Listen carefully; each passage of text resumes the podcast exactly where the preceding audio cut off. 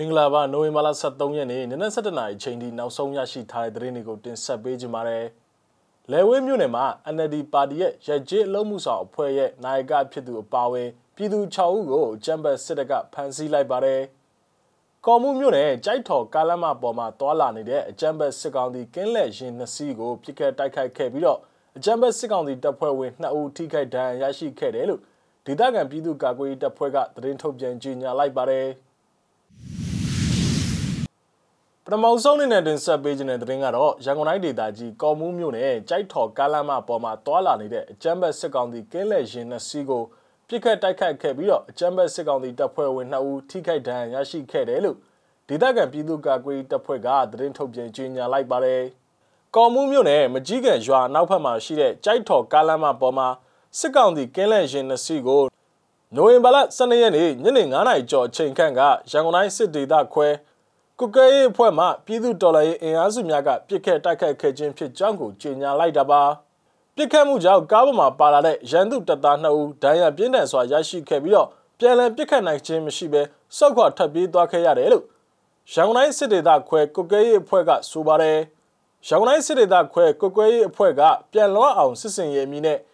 ရန်ကုန်တိုင်းဒေသကြီးအတွင်းမှာအကြမ်းဖက်စစ်ကောင်စီတပ်သားများကိုချိန်မုံတိုက်ခိုက်လျက်ရှိတယ်လို့သိရပါတယ်။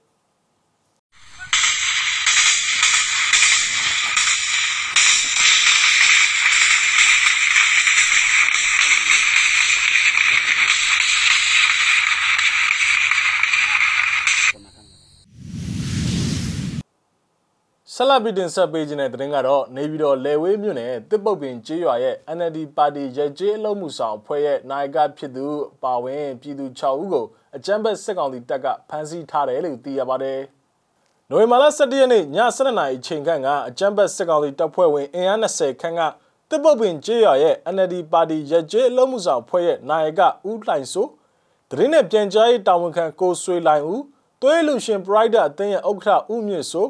ကိုချတိကကိုဆွေနိုင်ဦးနဲ့ကိုရွှေတိုးခကိုတန်းတောအောင်တို့ကို၎င်းတို့ရဲ့နေအိမ်များမှာဝင်ရောက်ဖမ်းဆီးခဲ့တာပါကိုမင်းမြတ်စိုးကိုနိုဝင်ဘာလ12ရက်နေ့နနက်၈နာရီခွဲခန့်အချိန်ကနေမီခန့်ရဲစခန်းသို့ခဏလာရောက်ဖြည့်ရှင်းပြီးလင်ဖခင်ဖြစ်သူဦးမြင့်စိုးကိုပါလွှတ်ပေးမယ်လို့လိန်လယ်ခေါ်ဆောင်ကဖမ်းဆီးလိုက်ခြင်းဖြစ်ပါတယ်အကုန်လုံးကတော့အာဏာသိမ်းပြီးတဲ့နောက်မှာတော့ရေရရလှုပ်ရှားတာတော့မရှိပါဘူးအိမ်မှာပဲပုံမှန်နေကြတာပါအခုလို့စီးမဲ့ကမ်းမဲ့ဖမ်းဆီးတာတွေကမကောင်းဘူးပေါ့ဗျာ အဓိကကတော့ဒလန်တွေကပောက်ကြရတယ်ရှောက်ပြောတာကြောင့်ထင်ပါတယ်သူတို့အတွက်တကယ်စိတ်မကောင်းပါဘူးလို့ဒေသခံတို့ကဆိုပါတယ်၎င်းတို့6ဦးကိုတော့နိုဝင်ဘာလ12ရက်နေ့နနက်10:00နာရီချိန်ထိတပ်ပုတ်ပင်ရဲစခန်းမှာဖမ်းဆီးချုပ်နှောင်ထားပြီးတော့နေပြည်တော်မှာစစ်ကောင်စီတပ်ဖွဲ့ဝင်များလာရောက်ကဖမ်းဆီးခေါ်ဆောင်သွားတယ်လို့သိရပါတယ်ဖမ်းဆီးခံခဲ့ရပြီးတော့မိသားစုနဲ့အဆက်အသွယ်ရရှိခြင်းမရှိဘဲနဲ့နေပြည်တော်မှာရှိတဲ့စစ်ကြောရေးစခန်းသို့ပို့ဆောင်ခံရမှာကိုမိသားစုဝင်များနဲ့လှုပ်ဖော်ကင်ဖက်များကစိုးရိမ်နေကြပါတယ်။ နောက်ထပ်တင်ဆက်ပေးခြင်းတဲ့သတင်းကတော့ရန်ကုန်တိုင်းဒေသကြီးလှိုင်းသာယာမြို့နယ်အုံတော်တရာအစင်ရွှေရီအေးဈေးကျော်မှာလူမိုက်ခင်စိန်ဟာနိုဝင်ဘာလ12ရက်နေ့ညနေ9:00နာရီချိန်ခန့်ကတနက်နဲ့ပြစ်သက်ခြင်းခံလိုက်ရတယ်လို့မျက်မြင်တွေ့ရှိသူတွေကဆိုပါတယ်။သူကကားနဲ့အိမ်ကထွက်လာတော့အနောက်ကနေတနက်နဲ့လိုက်ပစ်တာတဲ့သူကတနက်ကိုလက်နဲ့တောင်ကားလိုက်သေးတယ်လို့၎င်းကဆိုပါတယ်။အသက်ခံလိုက်ရတဲ့လူမိုက်ခင်စိန်ဟာလှိုင်းသာယာရဲစခန်းနောက်ကျောမှာနေထိုင်သူတူဖြစ်ပြီးတော့ အသက်50ဝန်းကျင်ခန့်ရှိမယ်လို့ဒေသခံတွေကဆိုပါတယ်အဆိုပါလူမိုက်ခင်စိန်ကစစ်ကောင်စီတည်င်းပေးလို့နာမည်ကြီးတဲ့သူတူဖြစ်ပြီးတော့လှိုင်းသားရမိကွက်ဈေးကိုအပိုင်စားရရှိထားတဲ့လူမိုက်တူဖြစ်တယ်လို့သိရပါတယ်နောက်ဆုံးနေ့နဲ့တင်ဆက်ပေးခြင်းတဲ့သတင်းကတော့ကချင်လွတ်လပ်ရေးအဖွဲ့ KIO ရဲ့ဗဟိုဌာနချုပ်ဖြစ်တဲ့လိုင်ဇာမြို့မှာ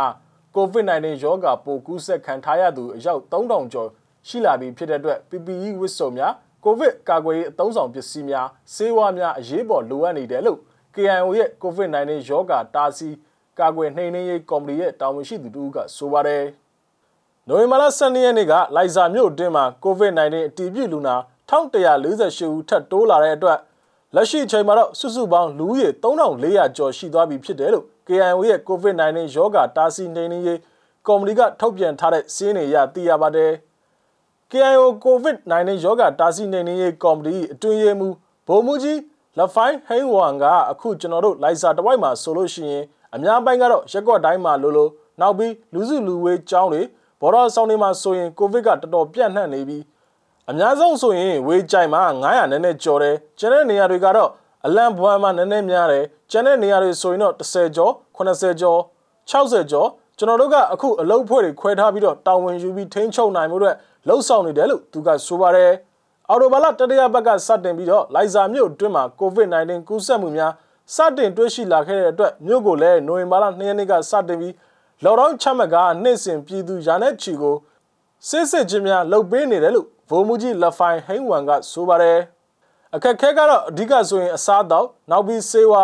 အကာအကွယ်အသုံးဆောင်ပစ္စည်းအခုက PPE ကအတော်တော်သုံးနေရတာ အားလုံးလုံခြုံရေးအတွက်ရောနောက်ပြီးစားတောက်မှာတာဝန်ယူတဲ့ချက်ပြုတ်ရေးဘက်မှာတာဝန်ယူတဲ့အားလုံးက PPE ဝတ်ပြီးတော့လှုပ်ဆောင်နေရတာဆိုတော့အဲ့ဒီဘက်လည်းတော်တော်လိုတယ်နောက်ပြီးပိုးသက်စေကလိုရင်းဟိုက်ပိုကလိုရိုက်အဲ့ဒါတွေတော်တော်လိုတယ်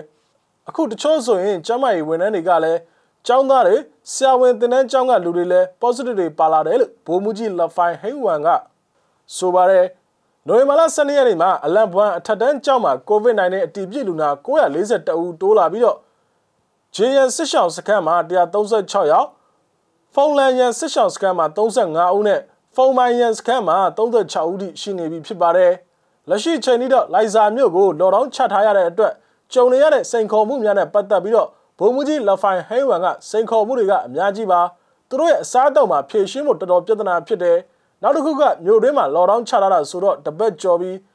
အဲ့ဒီမြို့တွင်းမှာရှိတဲ့လူတွေကလည်းရိတ်ခါတွေအစောကလေးကစုဆောင်းထားတာမရှိဘူးဆိုတော့ ဖြစ်တယ်လို့နဲ့ပဲရှားတလောက်ပဲဝယ်ပြီးတော့စားတော့နေရတော့အခုတော့တပတ်ဆိုရင်အများအားဖြင့်အစားအသောက်တွေခက်ခဲတယ်ကျွန်တော်တို့လော်ဒေါင်းချထားရင်လည်းမနေနိုင်ဘူးအပြင်ထွက်လာတယ်စီကံပိုင်းမှာလည်းအားနည်းချက်ကတော်တော်ရှိတယ်လို့သူကဆိုပါတယ် KIO ရဲ့ COVID-19 ရောဂါတားဆီးနှိမ်နင်းရေးကော်မတီရဲ့စင်းစရာများအရနိုဝင်ဘာလ17ရက်နေ့ကနေအထိစင်းရင်မှာ2266ဦးကို COVID-19 အတည်ပြုလူနာတွေ့ရှိခဲ့ရမှာတော့ ယနေ့ချိန်ထိ1148ဦးထပ်တိုးလာခဲ့ခြင်းဖြစ်ပါတယ်။သို့တော်လည်းစစ်ဆေးထားတဲ့လူနာများလည်းရှိနေသေးတယ်လို့ဒေသခံများကဆိုပါတယ်။အော်တိုဘာလမှာမုံလိုက်ခန့်ကစပြီး positive နှစ်ယောက်တွေ့တယ်။သူတို့ကစပြီးသူတို့နဲ့ထိတွေ့လူနာတွေကိုစုံစမ်းတယ်။အယောက်40ကျော်လောက်ရှိတယ်။သူတို့သွားထိတွေ့ထားတဲ့လူတွေကအဲ့ဒါကသူတို့ကိုတပတ်တစ်ချိန်တပတ်တစ်ချိန်စစ်နေတဲ့အတော်တွင်းမှာအဲ့ဒီ contact person ကနေစတွေ့လာတာ contact person ကို ဖော်ထုတ်နေတဲ့အတော်တွင်းမှာပဲအဲ့လိုပြန့်နှံ့သွားတာလို့ဘိုးမကြီးလက်ဖိုင်ဟိန်းဝမ်ကဆိုပါတယ်။လိုက်စာမြတ်တစ်မျိုးလုံးကိုလော်ဒေါင်းချမှတ်ထားတဲ့အတွက်နိုဝင်ဘာလ9ရက်နေ့ကအိမ်တော်စုမိသားစု4000ကျော်ကိုအခြေခံစားနပ်ရိက္ခာအချို့ကို KIA ကပေးဝေထားပြီးတော့ပြည်သူများကိုအဓိကထားစောင့်ကြည့်ရန်အရေးပေါ်အဖွဲ့၄ဖွဲ့ကိုလည်းဖွဲ့စည်းက COVID-19 ကူးစက်မှုကိုထိန်းချုပ်နိုင်ရေးလှုံ့ဆော်နေတယ်လို့ဗိုလ်မှူးကြီးလက်ဖိုင်ဟိဝမ်ကဆိုပါတယ် ကိုဗစ်ကူးစက်မှုများနေ့စဉ်တိုးနေရသေးတဲ့အတွက်မြို့ကိုလည်းဆက်လက်လော်ဒေါင်းချထားမှာဖြစ်တယ်လို့ KIO ရဲ့ COVID-19 ရောဂါတားဆီးနေနေရေးကော်မတီကဆိုပါတယ်